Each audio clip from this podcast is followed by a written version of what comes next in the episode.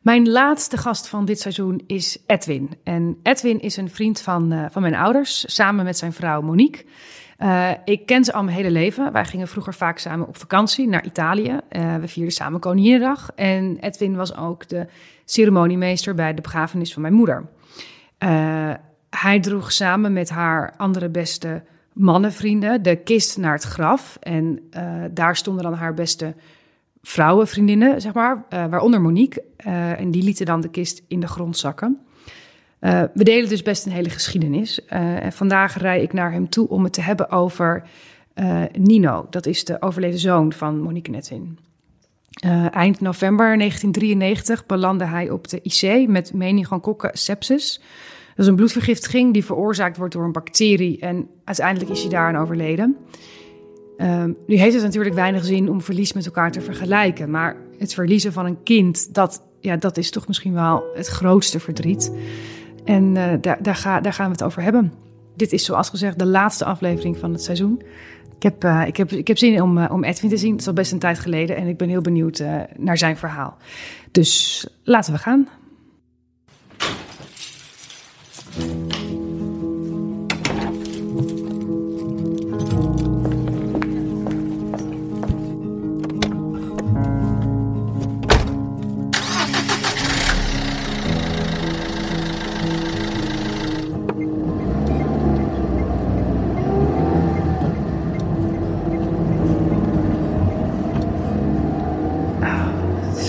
Bijna. Ik rij nu de straat in. Ik ben altijd zo. Uh, ik krijg zoveel stress van autorijden. Ik ben gewoon helemaal niet goed achter het stuur. Ik heb echt al 100 jaar mijn rijbewijs. Maar even kijken. Dan moet ik natuurlijk niet. Oh, hier gaan we in. Uh, oh, ik zie iemand op het pad staan. Ik, ga, ik moet dit even, dit ding wegleggen, anders kan ik, kan ik de bocht niet maken.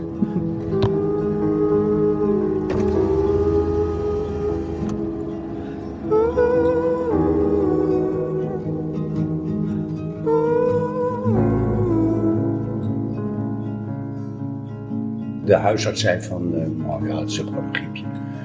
En uh, dan moet hij even uitzieken.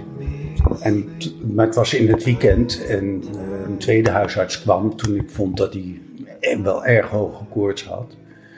En die zei van ja, maar het is alleen maar goed, zo'n zo'n koorts is, dat is voor zo'n kind heel goed. Dat, dan, daar wordt hij beter van. En maar, en, en, toen vervolgens bleek dat hij toch wel heel erg hoge koorts had. Het was 41, 42 graden. En toen, uh, toen heb ik weer gebeld met diezelfde vervangende huisarts. En die heeft toen uh, uh, antibiotica voorgeschreven. En na een paar, paar minuten zag je in zijn, op zijn lichaam allemaal zwarte puntjes verschijnen. En dat beangstigde me heel erg. Dus heb ik weer gebeld met die huisarts. En toen zei hij van, oh, die puntjes, en drukte er eens even op. Oh ja, ze komen weer op. Uh, nu ogenblikkelijk naar, uh, naar het ziekenhuis. Maar hij wist toen al wat er aan de hand was. En, en, wij hadden geen idee. We zijn naar het ziekenhuis gegaan hier in Gooi Daar werden we in een soort van noodsituatie ontvangen echt uh, IC, uh, IR uh, situatie. Mensen renden en, en schreeuwden. En toen bleek, toen op een gegeven moment zei een van de verpleegsters of doktoren, die zei tegen mij van, denk maar aan nekkramp. En dat was in die tijd, hadden soldaten hadden nekkramp en daar konden ze heel erg ziek van worden. En dat bleek het te zijn, toen zijn we naar de AMC gegaan. Want ze konden het daar niet behandelen. En, uh, en daar kwamen we in een soort uh, van, van, van totale paniek terecht. Maar daar, stond iedereen al klaar en iedereen wist wat er aan de hand was, behalve wij. En, uh, en, en toen bleek hoe ernstig het was. En toen is hij ook ogenblikkelijk naar het IC gebracht en, en werd daar opgenomen. En toen hebben we 13 dagen, 14 dagen daar doorgebracht. Op die IC. Ja. We wilden ook niet meer weg, want het kind het, het, het, was, werd zo verschrikkelijk ziek. En zwol ook helemaal op. En uh, werd een soort monstertje om te zien. Dat was 18 maanden. En uh, terwijl het een heel knap kereltje was. En uh, op een gegeven moment weet ik ook nog wel dat we een, een foto hebben gehangen boven zijn bedje om te laten zien dat hij echt een heel erg lief, mooi uh, jongetje was. Want was helemaal totaal opgeblazen. En ja, dat heeft 13, 14 dagen geduurd. We zijn daar eigenlijk niet weg geweest. We zijn, ze wilden wel dat we weggingen dat, naar het uh, McDonald's huis, maar dat, dat wilden, wilden wij niet. We wilden bij hem in de buurt blijven. Dus we hebben een soort van ja, een ontvangstruimte voor de ouders hebben geconfiskeerd en zijn daar op de vloer gaan liggen slapen. En dat is de grootste hel die je kan voorstellen. Wat er daar gebeurt, is, was, was, nou, ik, bedoel, uh, de, de, hij, is wel drie, vier keer uh, gereanimeerd. En, uh, en ze, hebben van alles met hem gedaan. Ze hebben ook echt wel heel erg hun moeite, gedaan om in leven te houden. En op een gegeven moment ging het niet meer. En Monique heeft toen de beslissing genomen dat het afgelopen moest zijn. En ik helemaal niet. Ik was, ik heb alleen maar uh, gegild, gehuild. En ik, wil, ik wilde er absoluut niet aan. Ik, al was hij invalide geworden, want dat hadden ze al voorspeld. En was hij geestelijk gestoord geraakt. Dat, dat, kon mij allemaal niet schelen, maar ik wilde hem houden. Hmm. En, en, en Monique, die zei op een gegeven moment: Edwin, het is genoeg geweest. En mijn broer was er, mijn broer is arts. En uh, die heeft me ook proberen te overtuigen. Ik was eigenlijk niet te overtuigen. En ik heb alleen maar zo verschrikkelijk gehuild en geschreeuwd. En op gegeven, maar op een gegeven moment, en dat was ook wel weer bijzonder, toen, toen we uiteindelijk, mijn broer heeft me overtuigd, Monique heeft me overtuigd dat het gewoon moest gebeuren. Daar hebben ze alles, al, al, alle stekkers eruit getrokken. En het stervensproces was eigenlijk heel erg rustig. Was eigenlijk heel erg uh, vredig. En toen dacht ik ook van ja, ja, dit is misschien wel toch goed dat hij, dat hij nu gaat. En uh, toen hebben we een. Uh, toen, toen, toen is hij dood gegaan. In onze armen. In onze armen is hij dood gegaan. En toen mochten we hem niet meenemen. Nog. We moesten eerst nog in het ziekenhuis blijven. En dat wilden we niet. We wilden dat hij meteen meekwam. En toen hebben we een, uh, hier in deze kamer uh, uh, opgebaard. En ja, zodra hij dood was, is het eerste wat ik heb gedaan, is de begrafenisondernemer bellen natuurlijk. En, maar meteen daarna mijn psychiater gebeld. Ik had, ik had een, een psychiater, Louis Tas. Wat een geweldige psychiater was. Waar ik een tijd bij had gelopen om hele andere redenen. En uh, hij. Uh, ik, ik, ik heb hem gebeld. Ik zeg van je moet ons helpen. Want we, we zijn door een zo'n grote hel heen gegaan. 14 dagen lang. Uh, het is zo verwarrend. Het is, we, we zijn kapot. En we zijn meteen naar hem toe gegaan. Raar genoeg leer je elkaar heel erg goed kennen in die 12, 13 dagen. Toen zag ik, Jezus, dat, die Monique die is zo sterk. Die kan dat zo goed aan. En uh, je leert elkaar in verdriet kennen, maar je leert elkaar ook in kracht kennen. En, uh, maar ik, ik, wist zeker toen we na, na die periode, na die sterfdag van Nino wegreden in de auto, keek ik naar Monique. Toen dacht ik, bij jou blijf ik mijn hele leven. Jij, bent, uh, jij bent mijn kracht, jij bent mijn steun, je bent mijn uh, grote liefde. Want eh, toen ik jou mailde hiervoor, dat ik jou en Monique wilde spreken, toen zei je meteen, je moet het apart doen, want rouwprocessen zijn zo individueel, dat zijn hele verschillende verhalen. En dat was bij jullie dus ook zo? Dat, dat was bij ons absoluut zo.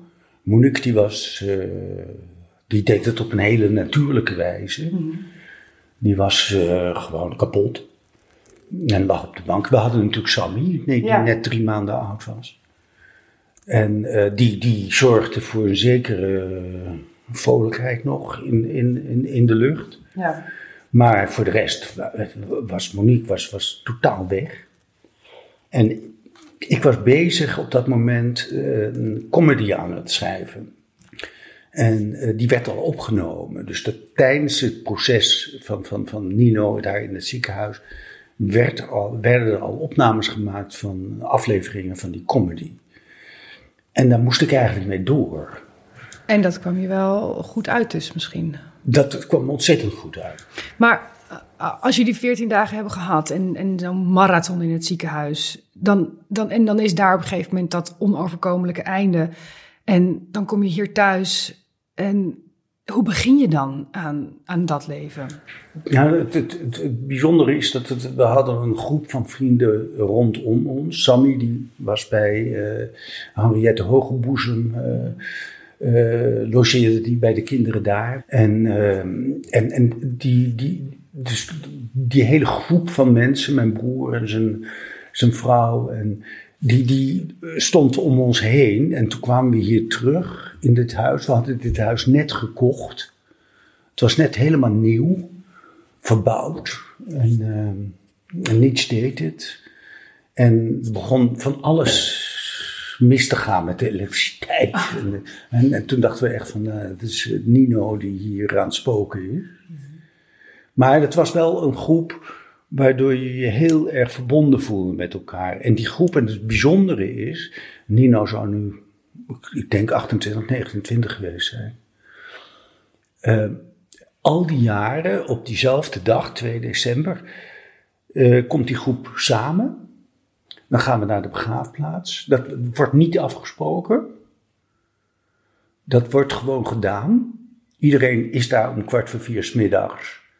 En dan is iedereen daar uh, op, op de begraafplaats. En dan uh, daarna gaan we Indonesisch, haal ik Indonesisch eten hier uit de, uit de, uit de buurt. Dat deed ik de eerste dag en dat doen we nu nog steeds. Al die jaren. Gebleven. En dat is zo gebleven, ja. ja. Dus dat is een hele, hele hechte vriendengroep geworden. Ja. Van mensen die elkaar eigenlijk niet zo goed kenden. Ja, mijn broer en zo, die kenden andere vrienden en vriendinnen niet. Maar uh, dat is wel een hele hechte groep gebleven. Ja. En kon je dat ook goed in het begin? Je, je laten troosten en je laten omringen met, met dit soort zorg? Ik haatte het. Ja? Ik wilde helemaal niet getroost worden. Ja, want je, je wilde niet dat je getroost hoefde te worden. Nee, en, en bovendien mensen die hier gaan omhelzen. Op zo'n moment, dat is, het, het is alleen maar, blijf van me af. Want je begrijpt niet wat, waar ik doorheen ga. Ja. En uh, ik, ik, ik weet nog wel dat ik hier zo, zo, zo uh, in de omgeving aan het wandelen was. En dat zo'n zo vrouw naar je toe kwam. Oh ja, wat vreselijk, we hebben het gelezen. Maar ja, elk huisje heeft zijn kruisje. En ik kon hem wel vermoorden. Ja. Om zo'n opmerking. Ja. En het, het rare is dus dat doordat ik, ik, ik moest aan het werk, want we hadden dus net dit huis gekocht en uh, er moest geld verdiend worden. Gewoon. Ja. Om de hypotheek te betalen. En uh, dus ik heb het eerste half jaar heb ik heel erg hard uh, gewerkt nog. En Monique klom langzamerhand een beetje op. En, en, en, en, hoe, en, en hoe bespraken jullie dat dan met elkaar? Nou ja, we gingen elk jaar, uh, el, elke week gingen we naar de psychiater. Ik weet nog dat het Monique op een gegeven moment vond dat ik heel erg gesloten was. Dat ik, dat ik niet meer uh, bereikbaar was. Mhm. Mm-hmm. En dan dachten we, sorry, wat een onzin. Ik bedoel, ik ben er toch. Uh, hoezo niet bereikbaar? Maar doordat ze dat op een gegeven moment tegen de psychiater zei en over mij in een derde persoon sprak. Van ja, hij is, hij is, hij is gewoon onbereikbaar. Ik, ik, kan niet meer met hem praten. Mm. Toen dacht ik pas van, oh, oh, ja, dat zou misschien wel eens waar kunnen zijn. En daardoor zijn we ook uh, uh, bij de psychiater gewoon gaan, gaan praten. En, uh, en, en, en, en, en, elkaar een beetje op de hoogte gehouden van de situatie waarin we verkeerden. En wij hadden toen een huis in Italië, waar jij nog geweest bent. En uh, die zomer gingen we naar Italië toe. Ik had behoorlijk hard doorgewerkt. Um, en Monique die klom weer een beetje op. Dus die begon weer een beetje te leven. En ik weet nog dat we toen. We hadden Henriette, uh, mijn agent, uh, hadden we op bezoek. En die gingen, Monique en Sammy en Henriette gingen naar Floor toe, die, die toen in Perugia uh, studeerde. En die gingen weg. En het huis was een behoorlijk afgelegen huis, op een afgelegen plek. En daar ben ik toen heel erg gefriekt. Toen, toen ging het helemaal mis met me. Want ik zag op een gegeven moment, uh, gewoon in mijn angst, Monique en Sammy dood in de berm liggen. Na een ongeluk. Terwijl het er helemaal niet gebeurd was. Ja. Maar dat zag ik voor me. En daar raakte ik volledig van in paniek. We konden, in die tijd had je nog geen mobiele telefoons of wat dan ook. Dus ik, ik, ik, ik, weet nog wel dat ik toen echt, ja, in een hele, die zomer in een hele erge diepe depressie ben geraakt. Dat, dat ik gewoon niet meer wist waar ik was en wat ik moest doen. En, um, en ik was in die tijd aan het schrijven ja, voor jouw vader, mijn dochter en ik. Oh ja. en, uh, maar ik, ik, kon helemaal niks meer. Ik was, ik was volledig verdwenen. En ik maakte ook een, met mijn auto, terwijl ik altijd veilig rijd, maakte ook een vreselijk ongeluk. Ik was totaal van, van, uh, van mijn padje. En wist je toen meteen, dit is het? Dit is, dit is het rouwen om Nino? Ja. Hmm, ik had geen idee. Nee. Het was er gewoon, het diende zich aan. Het diende zich aan. En ik dacht alleen maar van, hoe kom ik hieruit? En dat hebben we toen ook wel heel, weer heel erg goed besproken met, met, met uh, Louis Tas, toen we terugkwamen uit Italië. En uh, toen, toen ben ik er weer uitgekomen. En toen, uh, die, die, die depressie is ook wel... Maar hoe kom je uit zoiets? Want je hebt dus inderdaad je hebt het een half jaar lang geen aandacht gegeven, of nauwelijks. Ja. Dan ga je op vakantie, dan ontspan je en dan, dan slaat het verdriet toe. Ja. Maar dan moet je jezelf dus wel weer bij elkaar rapen op een gegeven moment. Ja, nou dat, dat ging in Italië ging dat helemaal niet. Monique moest me er echt uittrekken.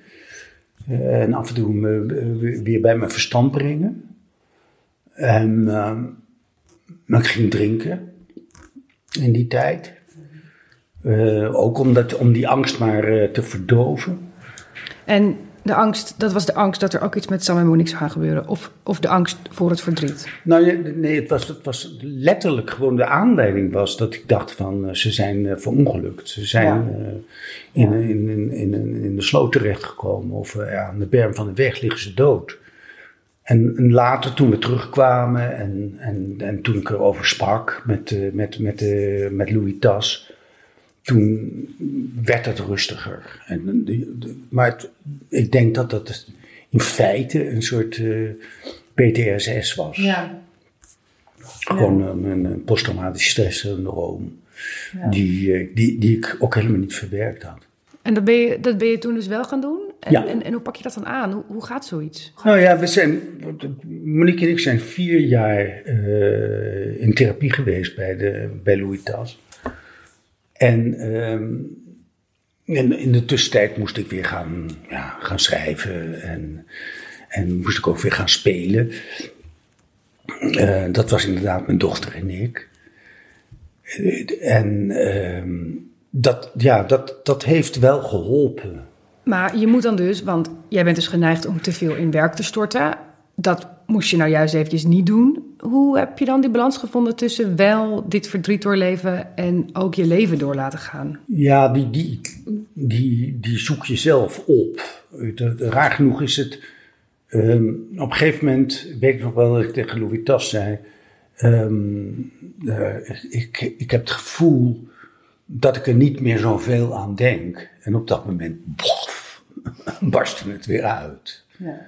Hij zei ook vaak van, ja, als je dat gevoel hebt, dat je er niet meer aan denkt, dan dat is de aankondiging dat je eraan gaat denken. En, en Zeker omdat, uh, omdat Nino ook nog zo klein was, kan ik me heel goed voorstellen. En, en Sammy was natuurlijk ook nog zo klein. En die ontwikkelt zich dan wel. Um, kan ik me ook voorstellen dat het een soort constant een spiegeltje is van wat er niet meer is. Dat is ook zo. En dat is ook soms heel erg pijnlijk.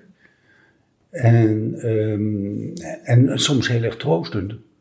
Dat hij er gewoon nog was. En ik weet nog wel dat we ook nog wel er serieus over gedacht hebben om uh, nog een keer zwanger te worden. Mm En dat we toen tegen elkaar hebben gezegd van dat willen we eigenlijk niet. Ik heb geen zin om uh, weer in diezelfde angst terecht te komen. En, uh, en, en Sam was meer dan voldoende om, om van te houden. Dus dat, dat Sam was natuurlijk een reddende engel. En als mensen nu vragen hoeveel kinderen je hebt? Dan zeg ik twee. Niet tegen iedereen. Eh, eh, waar zit, dat, waar zit het onderscheid in? Nou, soms heb ik geen zin om over te praten. Ja. Maar als het aardige mensen zijn, dan, dan durf ik het te zeggen. Maar uh, tegen ja, voorbijgangers uh, zeg ik gewoon: ik heb een, een heel mooi kind. Maar dat, ja, ik, ik, ik vind het altijd moeilijk, want dan moet je het gaan uitleggen. Dan moet je gaan zeggen: van ja, ja, we hebben een kind verloren. En dan zie je al die mensen zo helemaal in elkaar zakken. die, die worden helemaal gek ervan. Dus, dus tegen sommige mensen moet je het gewoon niet vertellen. En eh, ik, ik weet ook van Sammy, die heeft het over mijn broer Nino. Ja. Uh, hij speelt in die zin een heel actieve rol in het gezin, zeg maar. Ja. Uh, gaat dat gewoon zo? Of, of, hebben jullie daar heel bewust een keuze voor gemaakt? Hoe, hoe, hoe hebben jullie hem in het gezin gehouden, zeg maar? We hebben het, het, het heel serieus uh, van, van begin af aan uh, met hem over gesproken. Wat er aan de hand was. En uh, die jaarlijkse bijeenkomst op 2 december op de begraafplaats, dat heeft hem natuurlijk ook geleerd wat er, wat er aan de hand was. Dus ik, ik, ik herinner me nog wel dat Nino dan of uh, Sammy bij, ons in de auto zat en met een vriendje. En dan zei het vriendje, ik, heb jij ook een broer? En dan zei ik, ja, maar die is dood. Dat kon hij vertellen. Ja. We hebben ooit uh, op zijn, voor zijn 21ste verjaardag een film uh, gemaakt ja. van Sam. Dat heeft Monique gedaan. Um, die, die heeft hem namelijk altijd geïnterviewd. Elk jaar. En hij heeft er nooit met ons over gesproken, maar toen bleek dat hij wel degelijk in elke kerk waar hij kwam, omdat Monique dan altijd een kaarsje aanstak, dat hij dacht dat, dat Nino ergens in die kerk zat als, als kind. En dat, hij heeft dus met hem gesproken. Oh ja? Ja. En, en heb jij wel eens met hem gesproken? Met Nino? Ja, of, of tegen hem gesproken? Regelmatig. En, uh, hoe, hoe, gaat dat dan? Nou, bijvoorbeeld als je. Uh, ik, ik, ik, speelde op een gegeven moment uh, de pianist. Een, een, voorstelling, een toneelvoorstelling. En dan kon er wel eens vlak voordat je op moet. Een, een soort van paniek ontstaan. Plankenkoorts. Plankenkoorts. En dan richt ik me tot niet. Dan zei Nien, kom even bij me. Want, want je moet me even helpen, want dit, is, dit, dit gaat zo niet. En dat, dat hielp ook. Ja. Hij hielp me, want dat relativeerde meteen de angst. Want die angst om op te gaan is oh ja. niet te vergelijken met de angst die we hebben doorstaan toen hij aan het, aan het doodgaan was. Dus, dat, dus, dus Nino uh, voor mij relativeert enorm. En uh, hij, is, hij is er altijd. Hij zit altijd op mijn schouder ergens uh, mee te kijken. En als je aan hem denkt, denk je dan aan hem als een babytje of is hij in je hoofd uh, ook opgegroeid? Nee, hij is niet opgegroeid. Nee. Hij is een babytje. En bij Monique is hij wel opgegroeid, maar bij mij niet. Bij mij is het gewoon een babytje. En, uh, en, en een, een, een, een, zo'n ongelooflijk schattig babytje dat het ook een soort van troostend gevoel geeft. En dat, dat, dat gevoel, dat, dat, dat houd je bij, hou je bij. Dat relativerende, inderdaad van wat maakt die angst voor, voor dat podium nou uit? Of welke angst dan ook. Ik kan me voorstellen dat dat ook kan doorslaan naar apathie. Dat je denkt, niets maakt meer uit. Het, het, het, rare is dat door, door, door het overlijden van Nino, waar, waar, dus, waar we allebei fysiek bij aanwezig waren, dat, terwijl het gebeurde, dacht ik van, oh, dat is, is helemaal niet eng doodgaan. Het is helemaal niet eng. Het is eigenlijk ook wel een soort van vrede. Dus ik heb een hele tijd lang uh, gehad dat ik uh, niet meer bang was voor de dood. En ik weet nog wel dat toen Louis Tas zei van pas op, want dat is gevaarlijk. Want je moet wel een soort van natuurlijke angst houden voor de dood, want anders ben je niet op je hoede. Je moet wel voorzichtig zijn. En hij, hij zei ook van, ga jij maar even voorlopig geen auto rijden, want als je dat zegt, dat is, ja. dat is gevaarlijk. Ja, ja, dus daar zit ook weer die, het maakt allemaal niet meer uitachtige houding in. Ja. Ja. En dan, dat, dat heb ik een tijd gehad. En, en, nu is die angst voor de dood gewoon weer terug hoor. Dat, Want die heb jij heel erg hè? Ja. Waar komt het vandaan? Ja, het heeft iets te maken denk ik met mijn uh, astma-achtergrond. Dus ik heb het uh, vroeger als kind heel erg benauwd gehad. En die doodsangst, ja, ik ben nu 71. En ik mag al blij zijn. Ik heb altijd gedacht dat ik maar 33 zou worden. En vervolgens heb ik gedacht dat ik niet ouder zou worden dan mijn vader, die 51 was toen hij doodging. En dat is nu alweer 20 jaar geleden. Dus op een gegeven moment uh, mag, ik niet, uh, mag, ik, mag ik niet klagen. Ik had er eigenlijk al lang dood moeten zijn in mijn eigen fantasie. Jij dacht dat je niet ouder zou worden dan je vader. Ja. Wat gebeurde er op de dag dat je wel ouder werd dan hij? Dat was angstwekkend. En dat het geestige is dat mijn broer, die is drie jaar ouder dan ik, die werd dus eerder 51. En toen zei ik, nou, je hebt je, je, de, je vader overwonnen. En toen zei ik, nee, dat is nog uh, eh, 16 dagen en drie kwartier. Want die had precies hetzelfde. Ja. Die had precies hetzelfde. Mijn zusje zit uh, ook in dit seizoen. Daar was ik een paar weken geleden bij. En wij hebben dit dus ook. Dat we allebei in de tamelijk stellige overtuiging leven dat we niet ouder dan 44 zullen worden. En Lisbeth die was er 44. Ja. En we hebben ook wel uitgerekend op welke datum wij allebei ouder zullen worden dan mama. En vanaf dan, ja, dan voelt het als bonustijd als we dat zouden halen. Ja. Maar jij zit dus al in de bonustijd. Ik zit al twintig jaar in die bonustijd. Hoe zit in de bonustijd? Hartstikke leuk. Maar ben je er dan nog bewust mee bezig of, of vervaagt dat gevoel? Ja, nou het rare is dat je geen referentiekader meer hebt. Ik, ben, ik, ik lijk behoorlijk erg op mijn vader. Ja. En um, er was, was gewoon geen referentiekader meer. Ik dacht van, ja, maar hoe, hoe, hoe zie ik er dan, dan, nu uit? En hoe ga ik er dan uitzien? En hoe, hoe verandert mijn leven nog? Dat, dat is heel erg raar. Ja. Dat je op een gegeven moment merkt van, ja, de, de, de, hij is toen dood gegaan. En hoe, hoe gaat mijn verdere leven eruit zien? En die ziet er goed uit. dat kan ik je verzekeren, voordat je 44 wordt. ja, dat is waar. Misschien is dat alsof je dan over, alsof je dan over het randje valt. Je, je stapt absoluut, absoluut over een drempel heen. En dan moet je het zelf verder uitzoeken. Ja. ja. Ja. Want jij lijkt ook ontzettend op je moeder.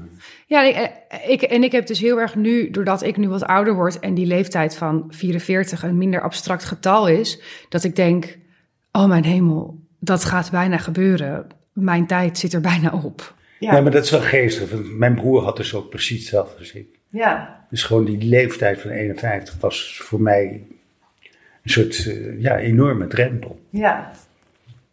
Maar die, die, die, die kom je over, daar kom je overheen. Wat is rouwen, denk je? Rouwen is een heel wonderlijk proces.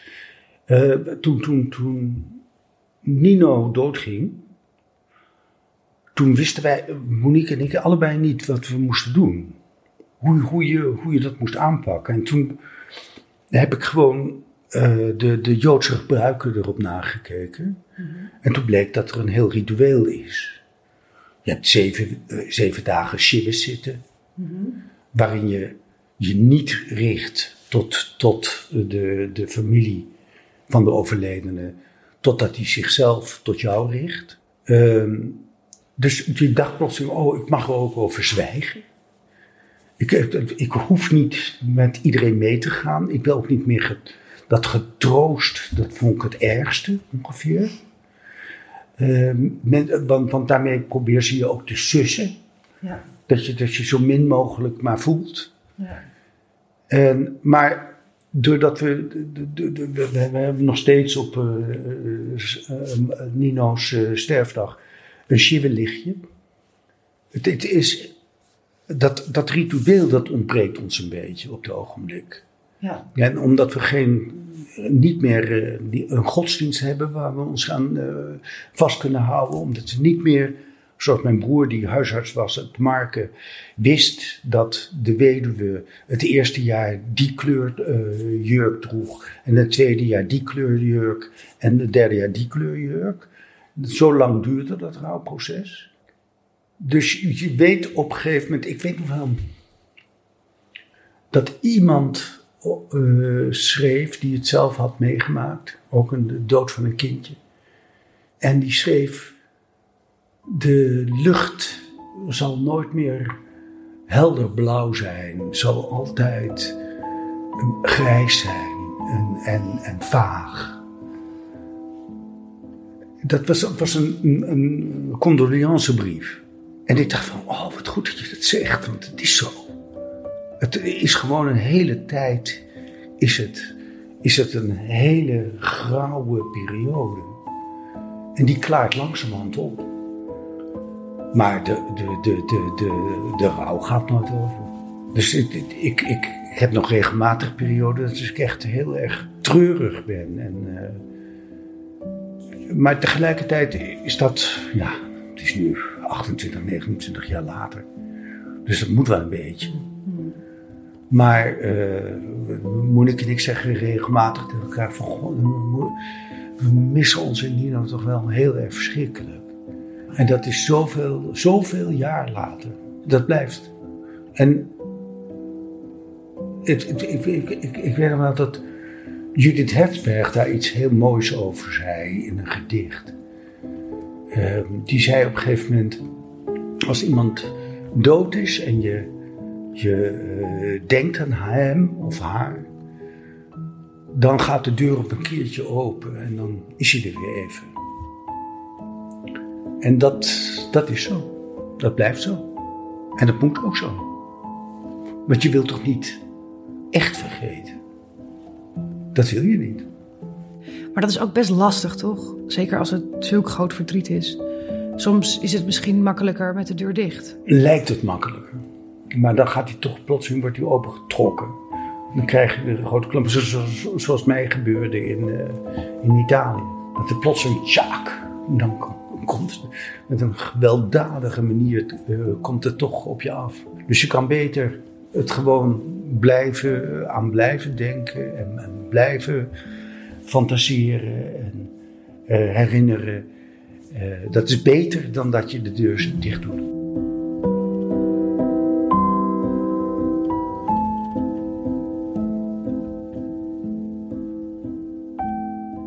Ik vind het zo mooi wat je zei, dat je dus de Joodse gebruiken erop na bent gaan slaan. Ja. Want inderdaad, zeker in de Nederlandse cultuur zijn we zo, zo losgezongen van dat soort collectieve gebruiken, dat we allemaal maar een beetje zwemmen. Ja, En want, want, want hoe, hoe, hoe heb jij die gebruiken dan vervolgens geïmplementeerd? Heb je, die, heb je die echt zo strikt gevolgd als ze worden voorgeschreven? eerste zeven dagen eh, is er shiva zitten. Shiva zitten is dat, dat, dat, dat iedereen eh, op, bij je op bezoek komt, maar dat je je niet richt tot de directe familie van de overledene. Pas als die zelf zich tot jou richt, mag je wat eh daartegen zeggen. En verder is het zitten ook eh, een, een vrolijke gebeurtenis. Je gaat ga- grappen vertellen met elkaar en je gaat lachen. En eh, we hebben het echt met elkaar besproken. Ik zei van nou, we hebben gewoon recht om nu zeven dagen met niemand te spreken, tenzij we er zelf over willen praten. Ja. Daarna is het een maand lang eh, is, is er nog de, de, echte, echte rouwtijd en een jaar lang. En ehm, nou, de, dat, dat, dat, hebben we ook een beetje als houvast genomen. we, we, hebben dus recht om gewoon een, een jaar lang in de rouw te zijn. En, en wat waren andere dingen waar je wat aan had? Therapie. Dat was echt, uh, dat was onze verlossing. Ja. Dat Ja. was echt heel erg goed dat we dat hebben gedaan. En dat hebben we dus vier jaar lang gedaan, hè? Ja. En later werd het, het was, was, ging natuurlijk eerst alleen maar over rouwverwerking. En, en later werd het ook een soort van relatietherapie. Ja, want je hoort zo vaak hè, dat stellen die een kind verliezen, dat ze daar niet met z'n tweetjes uitkomen, omdat ze zo de andere kant op rouwen. Ik, ik, ik weet nog dat we op een gegeven moment, eh, toen, toen het met Nino echt de verkeerde kant op ging, eh, dat er een verpleger was die zei van ja, jullie moeten wel goed naar elkaar kijken, want het is, kan gebeuren dat je enorm uit elkaar groeit. En dat is ook zo. Verdriet, als je dat verwerkt, dan word je zo op jezelf teruggeworpen. En eigenlijk op je, op je kleine kindgevoel. Het is een klein kindgevoel. Wat, wat, wat- dus, en dat kan je niet met iemand delen. Dat, Nee. dat, dat, dat is onmogelijk. Je wordt, het, het- je, je wordt op jezelf teruggeworpen. En als je elkaar niet goed in de gaten houdt, dan kan het, eh, kan het heel erg misgaan. Want dan groei je uit elkaar. De, überhaupt, hè, het, het schuldgevoel. Ehm, mijn theorie is dat je eh, eh, het liefste hebt dat als iemand doodgaat, zoals, zoals Nino, dat je dan de schuld bij jezelf kan leggen. Want dan heb je nog een beetje het gevoel dat je het leven in de hand hebt. Dat het niet alleen maar chaos is. De- de- dus dat gebeurde bij ons ook. Maar is daarmee te leven dan, met, met dat schuldgevoel? Nee, maar het is onzin. Dat schuldgevoel is onzin. Maar het is wel zo dat ik een tijd lang heb gedacht van... oh, ik had Nino een jasje moeten aantrekken toen we op de fiets zaten. Samen. Een week van tevoren. Als, als ik dat dan had gedaan, dan was hij misschien niet dood gegaan. Ja, dat lijken me heel verscheurende gedachten. Dat zijn verschrikkelijke, verscheurende gedachten. En, en, en dat hielp ook weer heel erg in de therapie. Louis Tas, die wijze man, die zei dat ook. Die zei van ja, maar je, je probeert de schuld bij jezelf te leggen. Want daardoor eh, heb je je leven in de hand. Daardoor we- weet je dat de chaos eh, beheersbaar is. Want je hebt, kan er zelf iets aan doen. Ja. En zodra je loslaat en, en zegt van, er is helemaal geen schuld. Het is gewoon Het afschuwelijke lot, het Ja. toeval, dat toeslaat. Dan, eh, dan, dat is een angstwekkende gedachte, want dat kan altijd gebeuren. En eh, ook dat moet je op een gegeven moment weer loslaten, want anders word je gek. Ja. Dat je elke keer, nou ja, wat mij dus in Italië overkwam, dat ik dacht van het lot heeft nu toegeslagen met Sammy en Monique. Maar eh, ik, heb, ik heb nu eh, die, die, die, die panische angst niet meer. Maar hoe laat je dat dan los? Want, want ik kan me zeker voorstellen met Sam, die, die minstens zo klein en kwetsbaar was, Ja. dat dat doodeng is. In het begin was het verschrikkelijk, gruwelijk. En eh, het heeft ook een hele tijd geduurd voordat ik het los kon laten. Ja, Omdat de, de- op een gegeven moment ging hij eh, zelf naar, de- naar het gymnasium in Hilversum op de fiets. En nou ja, de eerste, de eerste keer dacht ik alleen maar, oh god, ik moet achterna, ik moet hem, Ja. ik moet hem beschermen, ik moet hem beschermen. En op een gegeven moment, en, en Sam was ook wel goed daarin, die zei op een gegeven moment, nou moet je me loslaten. Die zei van, nou, nou, nou rustig. En, en we hebben dat ook wel altijd serieus tegen elkaar gezegd, van we moeten het kind niet gek maken met onze angsten. ja. Maar die heb je wel. Eh, de- de- Sam gaat morgen naar Barcelona. En dan denk ik, oh god. eh, Dat, dat, dat- gaat hij met het vliegtuig. Oh god. En, eh, wat gebeurt er? En de- de- hij heeft wel geleerd dat hij ons dan even bericht dat hij geland is en zo. ja. Uh, maar voor de rest ben ik niet achter hem aangereden op de fiets. Nee. Dat, dat heb ik op een gegeven moment uit mijn hoofd gezet. Hoe verandert zo'n sterfgeval jou als mens, denk je? Nee, dat heeft, heeft mij uh, waanzinnig veranderd. En, maar raar genoeg ook niet helemaal ten nadelen. Het heeft ook wel me een, een uh, realisatie gegeven van het feit dat je uh, moet genieten van de momenten dat je leeft. Dus dat het uh, de, de, de, het besef van die sterfelijkheid is, heeft, heeft twee kanten. De ene, en, en, en, en het zien van het sterven heeft twee kanten. Het is, het, aan de ene kant is het een verschrikkelijk verdriet. En aan de andere kant realiseer je van... Jezus, maar we moeten wel vasthouden aan, aan wat er nog is. En, en genieten van wat er nog is. En dat hebben Monique en ik eigenlijk heel erg goed gedaan, vind ik, met z'n tweeën. We hebben altijd van het leven genoten. Door de angsten heen. Ja, altijd van het leven genoten. En zorgen dat het leven leuk is en mooi is. En gezellig is. En met vrienden. En dat, dat, dat, eh, dat, dat hebben we. Dat hebben we elkaar geleerd. Ja. Um, je kunt een vader verliezen en een kind verliezen natuurlijk niet met elkaar vergelijken. Maar het een is de bedoeling, zeg maar. Je, je, gaat op een gegeven moment je ouders begraven. Alleen niet te vroeg. Niet te vroeg. Precies. Maar het is wel de juiste volgorde. En je kind overleven, dat hoort gewoon niet. Nee. Is dat rouwen dan ook heel anders? Ja, dat is, dat is, uh, dat is heel anders. Ik bedoel, ik, ik, ik, ik, was ondersteboven hoor, van het feit dat mijn vader doodging. Zo vroeg. En uh, vooral omdat je een vader zo ontzettend nodig hebt. Ja. Zeker op die leeftijd die ik toen had, 19. En uh, dat is eigenlijk de leeftijd waarop je, waarop je het beste met je vader kan omgaan. Dat merk ik nu bij, uh, bij, bij Sam ook. Dat is, dat, is, dat is gewoon de leeftijd waarop je werkelijk uh, gaat communiceren met elkaar. Ja. En ook op een manier dat je uh, gelijkwaardig bent. Ja. Dat het niet meer de vader is die zegt van je moet dit doen. En, uh, maar dat het gewoon, dat je gaat communiceren met elkaar, werkelijk gaat communiceren. Uh, dat, heb, dat heb ik enorm gemist. Um, en een kind verliezen, dat is, dat is de hel. Dat is, dat is uh, iets heel anders. Ja. Dat is echt, uh, dat is echt een trauma. Ja. Je vader verliezen is niet echt een trauma. Maar uh, een kind verliezen, dat is echt een trauma. Vooral zoals we, dat proces waar zij doorheen zijn gegaan. Dat was uh, eigenlijk onverdraaglijk. En tegelijkertijd, ja, hebben we het verdragen.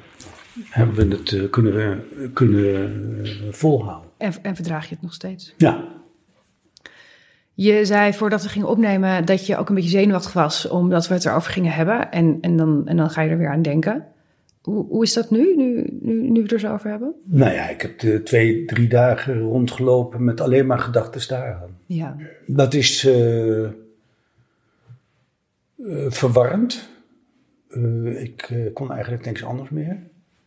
Omdat ik er de hele tijd toch weer aan terug zat. Je, je, je, uh, je, je, laat jezelf niet altijd toe om daar voortdurend over na te denken. Maar dan, als, als ik weet dat jij komt, en dan moet ik erover praten, en dan moet ik er toch wel ook wel een, een soort goed verhaal houden. Uh, dus dat is, dat is uh, verwarrend. En, en, en uh, zorgt er ook voor dat je eigenlijk weer eens anders kan. Maar ik, ik kan me namelijk ook voorstellen Nee, laat ik het bij mezelf houden. Ik, um, ik mis het soms wel een beetje om de hele dag met mijn moeder bezig te zijn. Of met Renate bezig te zijn. Ik vind het ook wel lekker soms. Ja, dat is ook zo. Toch? Heb, heb jij dat niet ook dan? Ja, nee, absoluut. Absoluut. En, en, en, en, maar zet het om in energie. Dus, dus ja, je moet, je, moet dit soort gevoelens ook uh, omzetten in energie. En in rituelen. En in rituelen. Dat is heel erg belangrijk. Dat is heel erg belangrijk. Gewoon, uh, nou ja, zo'n zo ritueel van, van 2 december, waar, waar iedereen uh, ongevraagd uh, komt en we allemaal aan deze tafel zitten te eten. Ehm, maar dat, en, en dat is voor Sammy ook heel erg goed geweest, denk ik. Ja. Denk je dat je, hoe ouder je wordt en hoe meer sterfgevallen je als mens meemaakt, dat je, dat je er beter in wordt? Ik weet het niet. Het is, ik, bedoel, ik zou nu maar moeten denken dat, dat uh, Monique doodgaat, bijvoorbeeld. Dan zou ik geloof ik uh, instorten. Dus het ligt aan het sterfgeval. Het ligt aan degene die doodgaat. Ja. En, en um, nou, ik herinner me nog wel dat, dat, dat dood van Lisbeth, dat was, uh, dat was behoorlijk ingrijpend. Het rare is dat zodra je um, een sterfgeval hebt meegemaakt, een indringend sterfgeval zoals jij en zoals ik, dat je de, de mensen herkent die er ook over kunnen praten. Ja. Of die het mee hebben gemaakt. Dat is een ander gesprek dan dat je met iemand hebt die dat nog nooit heeft meegemaakt. Ja. En dat maakt het, pra uh, het, praten ook veel makkelijker, omdat er geen taboe is. Ja. Terwijl, ik, ik herinner me wel dat ik terugkwam van het overlijden van mijn vader op de toneelschool in de tweede klas, na de vakantie. Hij was in de vakantie overleden. En dat niemand met mij meer aankeek. Ja. Met al die leerlingen die vluchten weg. Leraren idem dito. Ja. Die durfden niet met mij te praten. Alsof ik besmet was. Dat is, dat is heel raar, maar dat komt omdat mensen bang zijn om, om over zo'n onderwerp te praten. Ja, merkt je dat ook naar Nino? Ja, absoluut. Absoluut. Mensen zijn, zijn, zijn ja, je begrijpt het ook wel, het is een soort chaîne om, om uh, je daarover te benaderen. Ja, het komt ook denk ik uitgaande van het, van het goede van de mens. Dat, dat mensen zo bang zijn het verkeerde te zeggen en, en dat ze dan dus maar gewoon helemaal niets meer zeggen. Dat is ook zo. Wat zijn eigenlijk wel dingen die je tegen iemand kan zeggen die net een kind heeft verloren? Ik moet je zeggen dat, dat uh, die brief. Ik ben even haar naam kwijt, ik ben zo slecht in namen. Een journaliste was ze. En die schreef geen troostende brief. Die schreef hoe verschrikkelijk erg het was. En dat vond ik troostender dan iemand die uh, een beetje fake uh, troostende woorden schrijft. Ja, want je kunt toch niet getroost worden. Dus elke poging daartoe is eigenlijk ook een, een, een ondermijning van je verdriet. Ja, ja. Ik heb dit seizoen iedereen gevraagd een, uh, een liedje uit te kiezen dat belangrijk is, om wat voor reden dan ook. Ja. Uh, welk nummer is dat voor jou? Nou ja, het, het meest voor de hand liggende is natuurlijk Tears in Heaven van Eric Clapton. En dat, dat zet nog heel vaak op. En, en, en waarom? Nou, dat had natuurlijk ook te maken met het feit dat hij zelf zijn kind had verloren. En dat ging daarover. En uh, dat, dat deed hij ongelooflijk goed. Of doet hij ongelooflijk goed in, dat, in die song. Dat lied, dat, uh, dat, dat verwoordt heel goed. Dat, heel echt is dat. Dat is een hele echte song.